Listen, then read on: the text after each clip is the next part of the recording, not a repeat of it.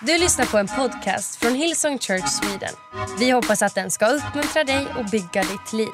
För att få mer information om Hillsong och allt som händer i kyrkan, gå in på hillsong.se. Ja, då kör vi. Många ord har redan sagts idag. Förhoppningsvis kommer du få lite Guds ord här också. Eh, om någon undrar så har jag lite Kristi blod eh, utgiven säga, på min... Någon annan som lyckades med det? Nej? Ja, några stycken med vita skjortor här som blir påminn. Man är som en dörrpost. Nej, det är ett gammalt, otroligt kristet uttryck. Okej, predikan idag. Kanske är lite långsökt titel, eh, men jag kallar det för en blek sommar. Och jag, eh, som ger livet bestående färg var jag tvungen att lägga till. Eh, men för er, det kan vara lite men för er som liksom, ser ni att det är punkter där? B, L, E, K. Så jag ber om ursäkt för er som ska tolka, för det kommer inte make sense överhuvudtaget. Men det finns, de där punkterna gör att vi anar att det finns någonting bakom den här bleka fasaden eh, med lite färg och djup. Nej, men ärligt talat, så det enda som jag önskar med den här predikan är att det skulle bygga ditt liv. Och att du skulle bli så välsignad och att det skulle ge dig någonting in i din sommar. Eh, och vi tycker om att säga att det är sommar, vi njuter så mycket av att det är sommar. Eh, men att du skulle bli så välsignad. Och det, det, är en ganska personlig predikan idag. Så jag utgår ganska mycket från ditt eget liv. Eh, så, och ing, ja, poängen är inte att berätta hur awesome jag eller mitt liv är, men av erfarenhet. Gud har gjort så mycket. Så jag har en fråga. Hur många här har hört sagan om de tre små grisarna? Du skämtar en gång till. Vad händer nu? Upp med handen om du har hört de tre små grisarna. Okej, okay. låt mig berätta. Det var en gång tre små grisar som skulle bygga varsitt hus. Okej, okay, för de flyttade från mamma gris av någon anledning. Den första lilla grisen var lite lat, så han, skulle, han byggde ett gris av halm. Det gick ganska fort och sen kunde han softa och ha det härligt i sitt luftiga hus. Den andra grisen var också lite lat, så han byggde ett hus av några pinnar. Ni kanske har hört många olika versioner på den här, men vi kör short version, okej? Okay? Så han byggde ett hus av några pinnar, sen softade han, satte på sig solbrillorna, tyckte att det här var kanon. Den tredje grisen var ordningsam. Jag vet inte vad det man försökte lära barn. Den tredje grisen gjorde det ordentligt, okej? Okay? Han tog tegelsten och byggde ett hus av det. Eh, och det tog lite tid, men han byggde ett ordentligt hus och det såg bra ut. Sen i den här sagan kommer ju såklart den stora stygga vargen. Så den stora stygga vargen kom och alla de tre små grisarna sprang livrädda in i sina hus och låste dörrarna. Den stora stygga vargen kom till den första grisen och sa öppna dörren för mig lilla gris. Nej, det tänker jag inte göra. Då ska jag pusta och frusta och blåsa ner ditt hus. Och det gjorde vargen. Och eftersom huset var byggt av halm det här trodde du inte att du skulle få höra i kyrkan idag. Men ja, jag vet ju att en del inte har vuxit upp, kanske det är en svensk saga, jag vet inte. I alla fall, eftersom huset var byggt av halm så blåstes det ner. Och den lilla grisen sprang vidare för livet då. I barnsagor så klarar sig alltid de små grisarna. Sprang vidare till sin ena kompis som hade det här huset av pinnar. Men vargen sprang vidare och sa öppna dörren gris. Nej, det tänker vi inte göra, sa grisen. Då ska jag pusta och frusta och blåsa ner ditt hus och sen kommer jag äta upp er. Ja, så gjorde vargen det. Fick blåsa lite hårdare, men pinnarna, de blåstes bort. Så de två små grisarna fick ta sina korta små ben och springa allt de kunde till sitt syskon som hade byggt ett hus av tegelsten. De sprang in där och vargen sa, den stora stygga vargen sa, Släpp in mig! Nej, det tänker vi inte göra, sa de. Då ska jag pusta och frusta och blåsa ner ert hus och sen kommer jag äta upp er. Försök du, sa de. Och vargen pustade och frustade och blåste tills han var blå i ansiktet. Men huset stod kvar. Så se till hur du bygger. Sen fortsätter sagan med att, med att vargen försökte hoppa ner i, i skorstenen och grisarna skållade honom levande i varmt vatten. Men vi går inte dit idag. Okej. Okay. Poängen är, vet en del sagor från förra som man bara... Ja, eh, poängen är, väldigt många av oss fokuserar på att bygga våra hus snygga. Vi pimpar och fixar och målar vårt liv och fasaden så att det ska se bra ut. Men ganska många bygger inte sitt liv så att det står kvar och så att det består. Och förr eller senare kommer det blåsa i livet. Om det inte har blåst i livet för dig än, här kommer goda nyheter, kommer göra det. Ja. Och ibland så är det Gud som gör att vissa saker blåser iväg. Men så jag tänkte dela fyra saker som har blivit som grundpelare i mitt liv. Och här borta, vill du hjälpa mig att flytta mina små grejer där hit? Hela bordet kanske? För jag kommer inte klara det utan att spilla, som ni förstår. Men det här är fyra grundpelare i mitt liv som har gjort att mitt hus håller. Som har gjort att oavsett om det blåser, för det blåser, ibland liksom så frisyren bara står rätt upp, men att jag inte faller och att livet håller. Det är fyra grundpelare i mitt liv som gör att jag står stadigt, som gör att mitt liv går framåt, som gör att livet blir meningsfullt, som gör mig lycklig, som gör att fienden flyr, som gör mig fri, som välsignar mig, som välsignar min omgivning, tack och lov, eh, som tar mig närmare Gud. Så det är fyra saker som jag hoppas att du kan eh, kanske bygga din sommar på. Och en del av er har hört det här hundra gånger, kanske fler. Men eh, det är alltid bra eh, att påminna sig om det här. Så det första som jag har bestämt mig för att göra, det är att bygga mitt liv på Bibeln.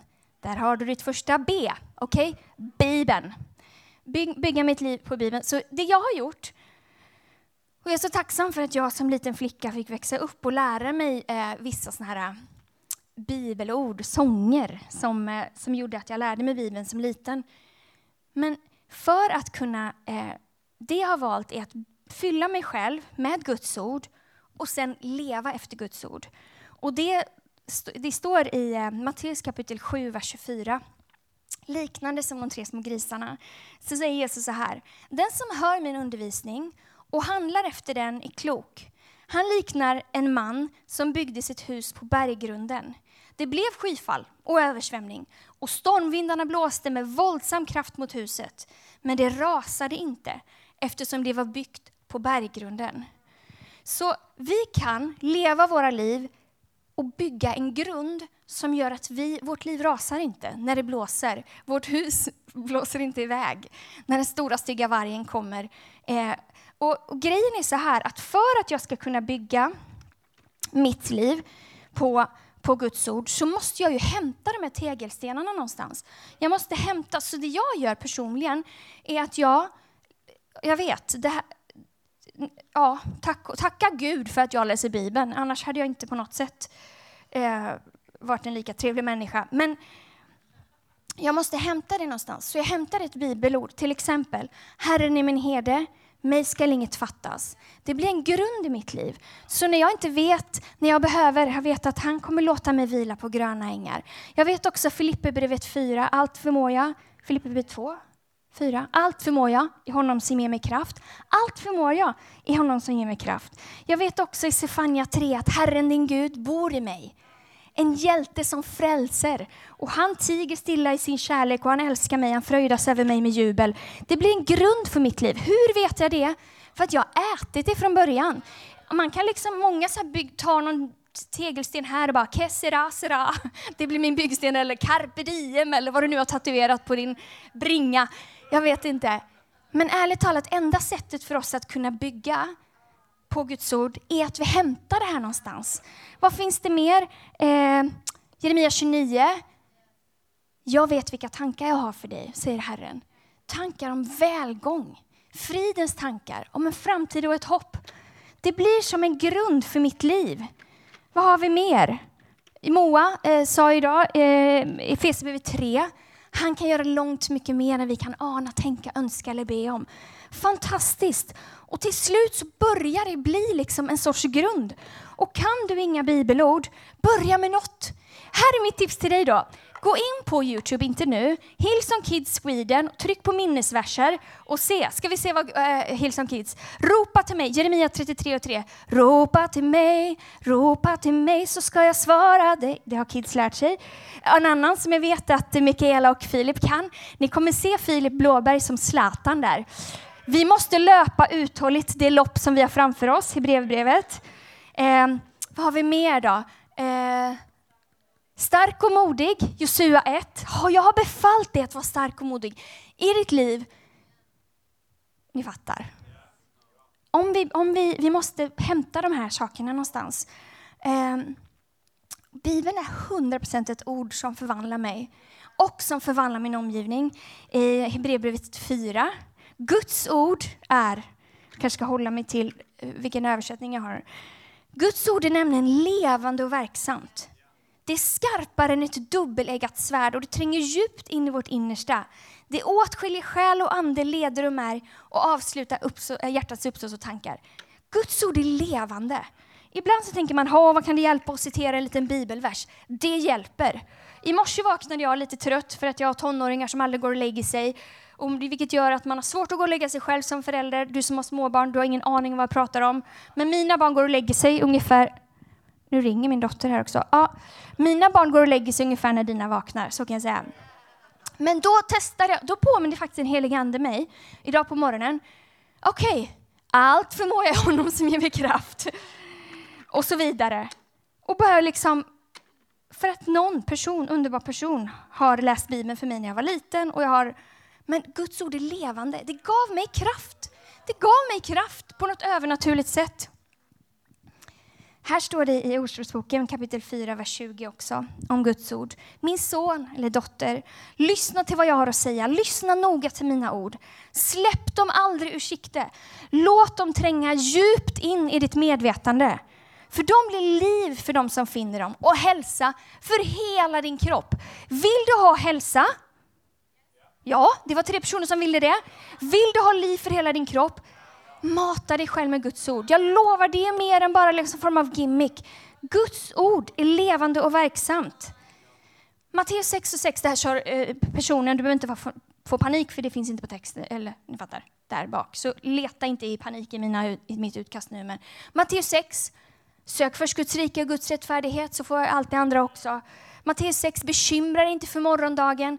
Allt det här bygger upp våra liv. Och jag vet att en del av oss kan det här. Men tänk om vi skulle börja vakna på morgonen, den här söndagmorgonen, eh, eller andra, alla andra sommarmorgnar, och citera det. När du vaknar med oro, börja citera ett bibelord. Det är levande och verksamt. Så, ja. Så min fråga är, hur ser ditt ätande ut just nu? Hur har du plockat dina stenar, eller byggstenar, utan fördömelse, helt utan fördömelse? Har du kanske, kör du snabbmat? Ni vet, liksom en scrollvers på vägen. Har du, kanske, har du kanske bara gammal skåpmat? Det var länge sedan du läste Bibeln. Kanske du behöver bara äta nytt på något. Hur äter man nytt på nytt på Guds ord? Ja, köp en ny bibel. Va? Kan man göra det? Kan köpa en ny bibel. Du kan läsa en ny översättning, för ibland för min del, när man har strukit under, liksom, så är det lätt att man bara ser samma sak. Kanske ska du bara bestämma dig för i sommar, i sommar ska jag läsa den här versen, det här mm, den här boken eller vad som helst. Börja. Eller har du kanske någon form av eh, andlig ätstörning, att du måste äta perfekt. Jag måste äta perfekt. Jag måste gå igenom de här sex kapitlen, annars är Gud inte god mot mig. Eh, och annars älskar han mig inte. Och jag måste sköta mig, för vi lever ju i en tid där vi måste vara så perfekt hälsosamma. Och vi måste vara perfekta kristna. Och vi läser sex kapitel, men har ingen aning om vad vi egentligen har läst. när, det är, när det är klart, men vi kan ticka boxen. Så kanske i sommar, kanske att vi ska, kan fräscha upp vår bibelläsning på något sätt. Kanske välja en vers som du bara lär dig. Sätt en melodi på den om du vill. Börja, eh, att vi kan börja mata vår insida på ett nytt sätt. Det är B. Det är en grundsten i mitt liv som gör att när det blåser, för jag kan säga att det pustas och frustas ibland i livet, Kanske kommer det göra det i sommar för dig också. Kanske kommer det här bli en tuff sommar för dig. För ni vet att man tänker att semestern ska lösa alla relationsproblem. De uppenbara snarare relationsproblemen. Men kanske att Guds ord kan vara någonting som gör att du orkar resa dig upp på morgonen, som, som fyller ditt hjärta med tro, som fyller mitt hjärta med tro. Och som gör att vi inte faller eller blåser bort någon annanstans. Okej, okay, här har vi nummer två. Jag har bestämt mig för att leva mitt liv i bön och lovsång. Det är L. Bell, ni fattar temat här. Och i bön och lovsång, då är det en kommunikation där Gud är Gud och jag är jag. Enkelt. Gud är Gud och jag är jag. Jag är inte Gud, det vill man ofta kanske vara med lite co-God. Co liksom, man har lite planer och gärna få som man vill. Eh, men det är en kommunikation när jag inser att Gud är Gud. Han är så stor. Han är så mäktig. Han kan göra så mycket. Och det är en stor anledning till varför vi har lovsjungit här idag. Vi har sjungit för att vi vill påminna dig, vi vill påminna oss själva om att Gud är stor. Och jag har bestämt mig för att aldrig någonsin bli någon sån här expertkristen. Och ibland så hamnar jag där. Man liksom sjunger i vers och så är man i tanken någon annanstans. Men jag försöker, alltså mitt mål i livet är att aldrig bli familjär. Aldrig bli familjär om man sitter på första raden, aldrig bli familjär om man sitter på sista raden. Aldrig bara tänka, den här gillar jag inte så mycket. Utan alltid låta honom vara Gud och låta lovsång vara en plats eh, där han gör någonting i mig. För lovsång förvandlar mig. Okay? Lovsång förvandlar också min omgivning. Det finns exempel i Bibeln där liksom fängelsedörrar eh, slås upp tack vare lovsång. Och lovsång har inte med melodi att göra. Så om du inte är något musikaliskt geni, helt okej. Okay. Eh, jag var, här är en hel passus, men vi var på ett par skolavslutningar eh, i veckan här och där kan man säga, det var inga musikaliska genier Alltså, jag måste säga, ni är musikaliska genier. Där var det hundra olika tonarter och så vidare. Jag förstår inte, men... Eh, så du är ett musikaliskt geni. Och det är en stor anledning till varför jag har så hög volym. För att du ska kunna sjunga utan att skämmas. Men det står i psalm 23, eller 33. Sjung, och vers 3. Sjung en ny sång för honom. Spela ljuvligt och ropa av glädje. Och sen står det i psalm 150, vers 1. Halleluja! Lova Gud i hans helgedom. Lova honom i hans mäktiga himlafäste. Lova honom för hans väldiga gärningar. Lova honom för hans oerhörda storhet. Det står lova honom. Det står sjung en ny sång. Vet du vad det inte står? Lyssna på en ny sång. Lyssna på när någon annan sjunger om hans väldiga gärningar. Det står inte. Och vi har blivit en generation när vi ofta lyssnar och tittar på vad andra människor gör. Man tittar, kanske konsumerar, kan, konsumerar kyrka. Man konsumerar lovsång. Du står kanske här och tittar på de som vackra ungdomarna som sjunger. Ja, det var ju mestadels ungdomar här uppe idag. Och sen så, blir, så lyssnar man bara. Men vet du, det händer någonting när du öppnar din mun. Eh, ibland så brukar jag tänka att det är så här att, att lyssna på lovsång är kanske som att duscha, liksom. det känns härligt. Men att sjunga, att öppna sin mun, att uttrycka dig själv. Som sagt, det handlar inte om melodi, du kan göra det på en ton eller bara som en bön. Det är som att dricka vatten. Det blir skillnad. Du, vet, du kan duscha hur mycket som helst, men du kan ändå vara uttorkad på insidan. Kanske, jag vill uppmuntra dig, börja sjunga. Och det idag, när du, kanske när ni bor i en liten husvagn, hur i hela friden ska du kunna göra det? Sex familjer, eller eh, sex familjer, gode gud, sex personer i en liten husvagn. Ja, kör om ni får en stor husvagn då. Kanske svårt att hitta ett sätt att lovsjunga, men gå ut i skogen eller ut mm, på havet, jag vet inte. Börja öppna din mun. Här på söndagarna, ja, jag måste säga att för mig har det varit en lifesaver. För mig handlar det inte om att jag är bra som liksom lovsjunger. För mig är det en 100% lifesaver att jag har valt att år ut och år in lovsjunga Gud. För det gör någonting i mig. Det gör 100% någonting i mig. Och vet du vad det gör mer? Det vaccinerar mitt hjärta mot ljumhet. För det är som att ju mer jag höjer volymen på min egen lovsång, ju högre höjs temperaturen i mitt eget hjärta. Och det står i eh, i Ordspråksboken kapitel 4, vers 23. Att mer än allt som ska bevaras, bevara ditt hjärta, för därifrån utgår livet.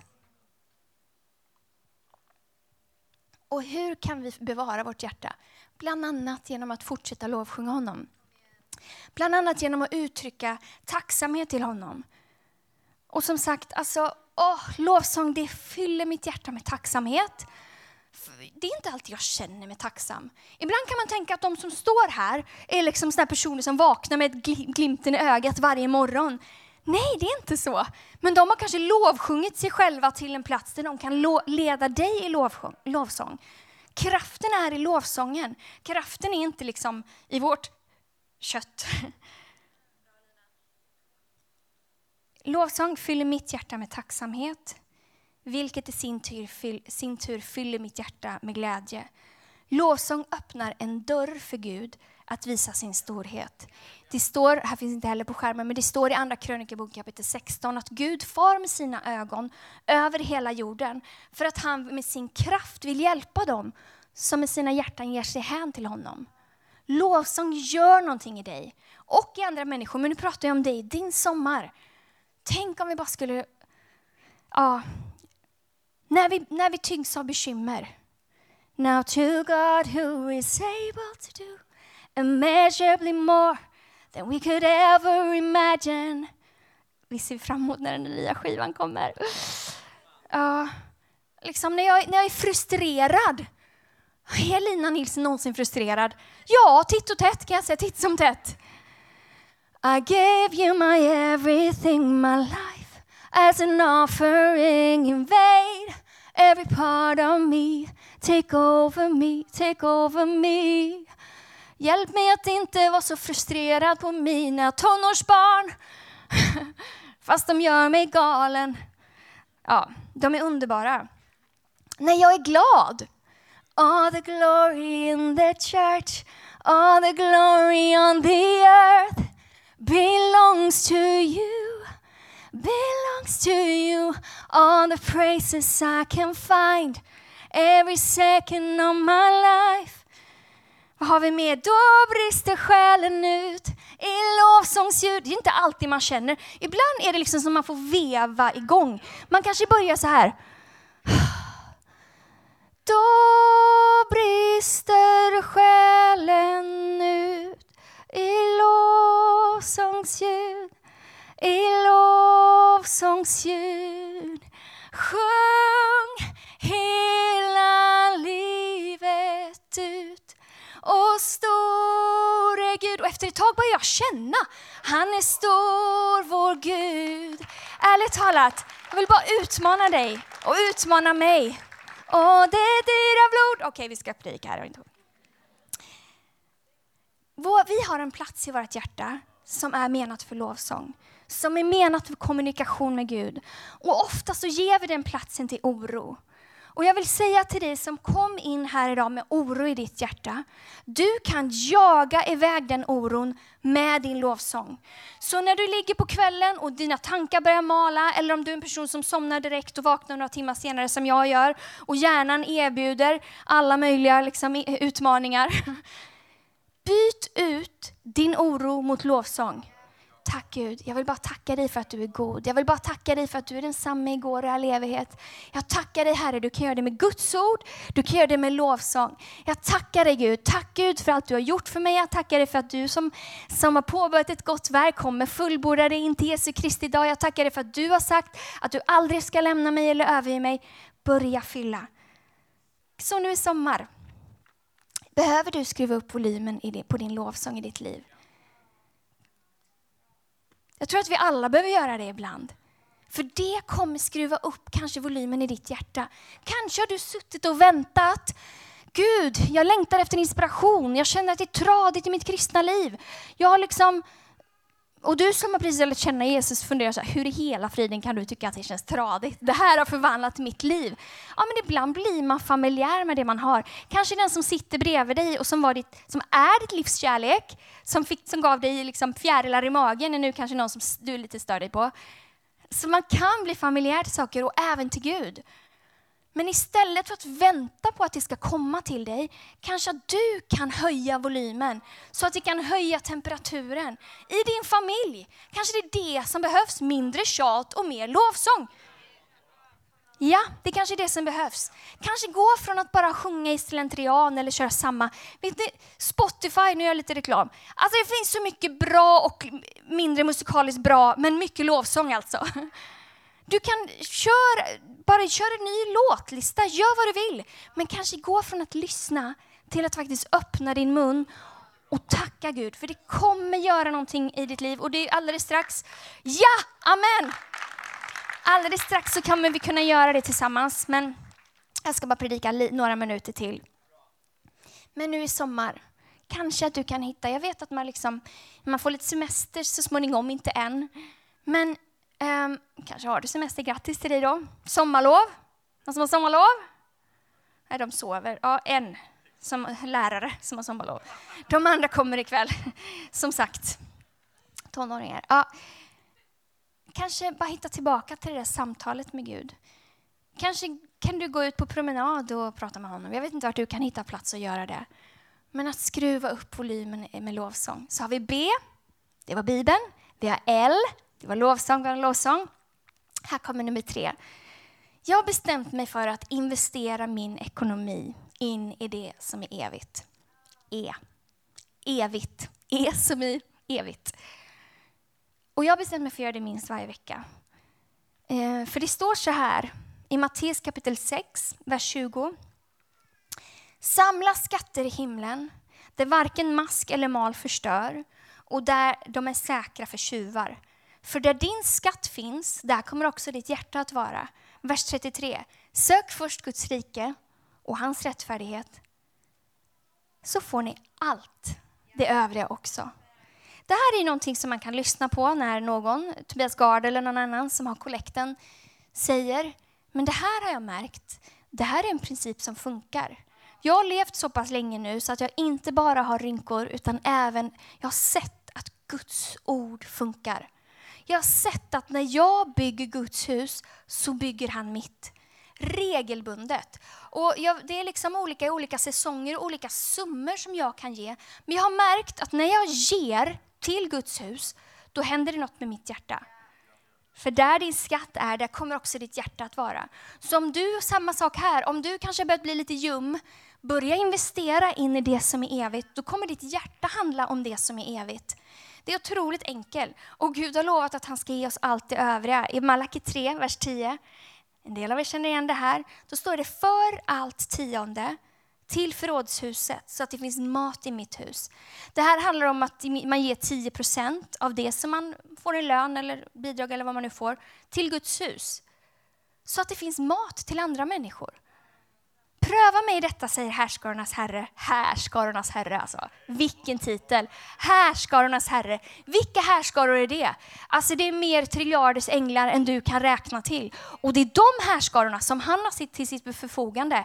Och när du är förbund med honom, som vi pratade alldeles nyss, jag vet jag kommer återkomma till texten snart, då står de härskarorna till ditt förfogande också. Han vill beskydda dig, han vill ta hand om dig, ditt hus, din familj han i alla fall säger, så kommer jag öppna för er himlens fönster och låta en överflödande välsignelse komma över er. Det här har jag också sett funkar.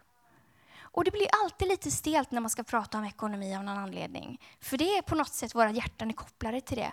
Men jag har sett, nu pratar jag om för min egen del, att det här funkar verkligen. När jag har valt, fast alltså ibland, vilken tro det har krävts. Det krävs fortfarande tro eftersom 10% är alltid 10 det blir mer liksom med åren, förhoppningsvis. Eh, men alltså det funkar. Och jag vet att jag kan investera in i det som är evigt. Så ibland så undrar man så här, bär mitt liv frukt? Gör jag egentligen det som är rätt? Det här vet jag. Att när jag regelbundet investerar in i det som är evigt, så dels kalibrerar det mitt hjärta och påminner mig varför jag lever, men det gör så att mitt liv bär frukt. Om du vill att ditt liv ska bära frukt, enkelt. Ge någonting i kollekten. Och Bibeln säger man bedöms inte efter vad man inte har. Man är välkommen med vad man har. Så det liksom ingenting med summa att göra, det har med våra hjärtan att göra.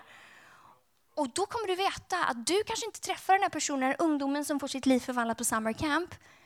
Men du kommer sen i himlen ha evig frukt. Du kommer kanske ha, tack vare det som du är med och ger, kanske ett äktenskap, kanske de kan gå i, i samtal för vi kan hjälpa dem med det och deras äktenskap och hela familj, hela familjeträd kommer bli förvandlat tack vare att du var med och gav. Du har ingen aning om det, inte jag heller, men vi vet att våra liv kommer bära frukt. Och sen så det gör att jag ständigt lever i tro. Det är en sån utmaning att ständigt leva i tro. Och det, vårt liv, eh, när vi startade kyrkan så gjorde vi det med bokstavligen minus på kontot. Jag och Andreas, bokstavligen minus på kontot. Eh, och vi bodde i ett välsignat hem som var ganska litet under många år. Och vi såg våra vänner eh, bygga hus och köpa hus. Och liksom man såg att deras liv gick framåt. Men vi kände att vi ska, det enda vi kan göra är att eh, bygga vårt liv på Guds ord. Eh, bygga vårt liv på Guds ord och fortsätta föra in tionde och fortsätta ge till investering i det som är evigt. För ett tag så såg det ut som att vårt liv verkligen bara stod stilla eller nästan gick bakåt. Men jag har sett att Gud bokstavligen, han välsignar. Han har valt att öppna himlens fönster för oss. Så vi visste inte hur vår månad skulle gå ihop. Vi hade, jag vet exakt hur det går till när man får, hur lång tid det tar från fakturan till påminnelse, från påminnelse till inkasso. Och inkasso det är väl ungefär åtta dagar där. Och sen då ska man helst betala. Ni fattar, vet exakt hur det är att leva med en sån ekonomi. Men på något sätt, Gud har aldrig eh, övergett oss eller lämnat oss. Han har alltid varit trogen till sitt ord. Alltid, alltid, alltid. Jag skulle aldrig ens våga för ett ögonblick sluta ge tionde eller sluta investera in i, i, i, i det som är evigt. Han öppnar. Och där, jag tänker bara så här, där vi bor idag. Vi är liksom inte någon form av så här superrika personer. Men där vi bor, det är liksom ett mirakel. Vi har inte råd att bo där egentligen. Vi har inte råd med ett sånt hus. Men Gud välsignar när vi bygger hans hus, då bygger han vårt hus. Och jag, ser, jag har sett det på människa efter människa, inte bara oss. Hur, när vi bygger Guds hus, när vi investerar i det som är evigt. Så eh, hur ser det ut i ditt liv? Investerar du in i det som är, är evigt? Eller investerar du bara in i dig själv och din egen framtid?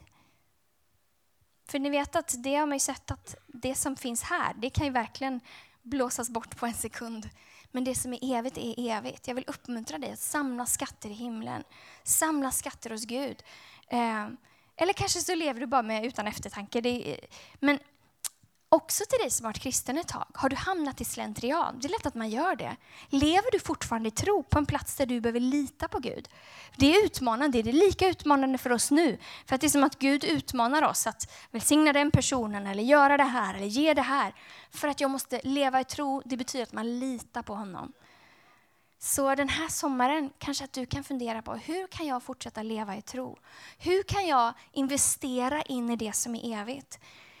Och det här är verkligen en passus, men jag vill bara säga att om alla av oss som såg kyrkan som sin, som ser Hillsong som sitt hem, skulle ge tionde, då skulle vi kunna göra dubbelt så mycket som vi gör nu.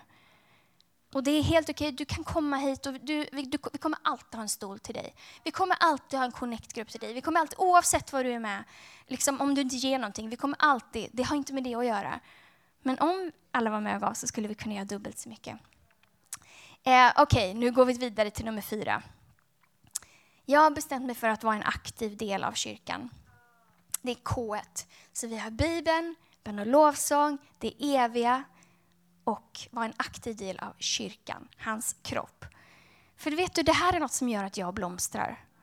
Alltså jag kan inte ens, jag har ingen aning om hur mitt liv hade sett ut utan kyrkan. Det handlar inte om att jag nu är pastor i kyrkan, det bara blev så. Vi startade en kyrka och ja, någon måste göra jobbet. Men ärligt talat, det gör att jag blomstrar. Och det gör att du blomstrar. Att vara planterad i Guds hus. Psalm 92, vers 13. De rättfärdiga blomstrar som palmträd. De växer som cederträden, de är jättehöga, på Libanon. De är planterade i Herrens hus. De grönskar i vårt Guds förgårdar. Ännu i hög ålder. Några små gråa hår. Bär de frukt och är friska och gröna. De vittnar om att Herren är rättvis, min klippa där ingen orätt finns. Vet du vad, om du är planterad i kyrkan då kommer du kunna vittna, även vid hög ålder, om att Gud är vår klippa, Gud är stor. Och vet du vad, det handlar inte om att, återigen, vi är väldigt bra på att konsumera idag. Många kanske konsumerar kyrkan och det är fel att prata här för ni är ju här, så ni är i kyrkan. Men i sommar, kanske inte bara titta online, utan kanske ta dig till rummet. För det gör någonting. För så här står det i första Korintierbrevet, ska avsluta snart. Kapitel 12, vers 27. Ni utgör alltså Kristi kropp och var för sig är ni delar av den. Så om vi är Kristi kropp, ni vet en kropp, jag har en kropp, du har en kropp, du är en liten kroppsdel. Kanske är du lillfingret, kanske är du ögat, kanske är du örat, jag vet inte vad du är. Men alla kroppsdelar mår bättre när de sitter ihop med kroppen. Vi ska inte testa och göra ett exempel här och lägga, slänga iväg en kroppsdel någonstans. Men ni fattar, den mår inte bra när den ligger där borta. Du och jag behöver sitta ihop med den här kroppen. Varför? För det ger oss kraft. Det ger, blodet pumpar ut, blodet från hjärtat pumpar ut. Om du känner dig kraftlös, kanske det är för att du inte har varit, du är inte planterad i kyrkan. Du kanske kommer att titta lite grann. Men det bästa sättet är att vara aktiv. Vi brukar säga att kyrkan är inte någonting vi går till, kyrkan är någonting som vi är. Och det är precis det Bibeln säger här. Vi är, vi, vi, är, vi är hans kropp. Och jag vet att du kanske är ett öra och stör dig lite på en som är en fot, för att den där foten bara fokuserar på att gå framåt. Och du vill lyssna in hur alla andra människor har det. Kanon! Du är ett öra för att du ska höra det. Och foten ska vara en fot, för att vi behöver också komma framåt. Så vi är olika av en anledning och du behövs. Och ibland, om du bara testar och vill, är det något, kan ni göra så här? Är det genetiskt eller kan man öva upp sig? Efter ett tag, när man bara tittar med ett öga, fortsätt lite till, det blir lite ansträngande. Är det någon som börjar känna det? Det är lite ansträngande för det ögat som jobbar just nu. Fortsätt så länge du vill, jag ska ta en bild. Ehm, och så här är det, att om inte alla kroppsdelar är aktiva så blir de som är aktiva tröttare. Så kanske att du, min vän, kan bidra med den du är så att de andra, de andra kroppsdelarna kan få, få vila lite. Det finns en del som är med i team jämt. Kanske du kan vara med i team den här sommaren när du har semester. Kanske att du kan lägga, ställa ut stolarna eller eh, vad det nu är, stå i dörren och så, så att de andra kroppsdelarna, vi behöver varandra. Jag mår bäst när jag sitter upp med kroppen, kroppen mår bäst när jag är där. Och samma sak är det med dig. Och det blir som ett kretslopp. Ehm, så min fråga är, hur ser du på kyrkan? Är det som en restaurang där du kommer och äter? Eller är det någonting som du är en del av? Där du också är med. Du är en kroppsdel som är med och bidrar med ditt perspektiv, med dina gåvor, med den som du, jag ska säga det, du behövs verkligen. Eh, där har vi det. Tänk om den här sommaren kan få vara en blek sommar. Med bibel, bön och lovsång, att vi investerar in i det som är evigt. Lev för det som är evigt. Vet du vad, när du lever för det som är evigt, så spelar det faktiskt inte lika stor roll hur det går med ditt jobb, vad du är orolig för vad din framtid, ska jag vara på den arbetsplatsen, är den, kommer jag komma in på plugget, hur ska det gå? Om våra hjärtan är förankrade i det som är evigt, att människor får lära känna Jesus, att människor får vara i hans hus, att människor får liksom lära känna honom, då är det det vi kommer bry oss om. Och vet du vad, då, då kan vi gå igenom vad som helst. För att, vi, för att vi får se Gud göra det som är viktigt. Men tänk om vi också kan fortsätta vara en aktiv del av hans kropp, aktiv del av kyrkan. Och jag vet att det här är super basic, det som är grundläggande, men det, ärligt talat, för mig personligen, det är det här som har gjort, det är fyra grundstenar som gör att mitt liv håller. Det, det är liksom inte, låter inte så glamoröst, kanske inte ser så glamoröst ut på ytan, men det är sån kraft i det. Det har välsignat mig så mycket. Det finns inget i världen, jag, jag vill inte släppa det. Så jag utmanar mig själv, för det är inte alltid lätt. Det är inte så att man bara man är någon form av Duracell-kanin som alltid känner för att jag känner inte ens alltid för det, ibland glömmer jag bort att läsa Bibeln. Men att fortsätta regelbundet, regelbundet läsa Bibeln, regelbundet lovsjunga, regelbundet investera i det som är evigt, regelbundet vara en aktiv del av kyrkan. Kanske att du ska gå från att bara vara den i Connect-gruppen som alla uppmuntrar till att kanske uppmuntra någon. På det sättet också vara aktiv. Kanske ska du ska gå från att, något annat. Jag behöver inte ge fler exempel. Så jag kan inte lova dig att hela din sommar kommer vara bra eller att alla dina dagar i livet kommer vara bra. Men jag kan lova dig att eh, Gud kommer vara bra. och när vi är kopplade till honom så han ger oss kraft. Han fyller oss med tro. Hans ord är levande och verksam. I lovsången så fyller han oss med kraft och förvandlar oss och vår omgivning. Och vårt liv kan få bära frukt. Så jag ska be lovsångarna komma upp. så ska vi alldeles strax lovsjunga tillsammans. Oj, där finns ingen plats. Ja.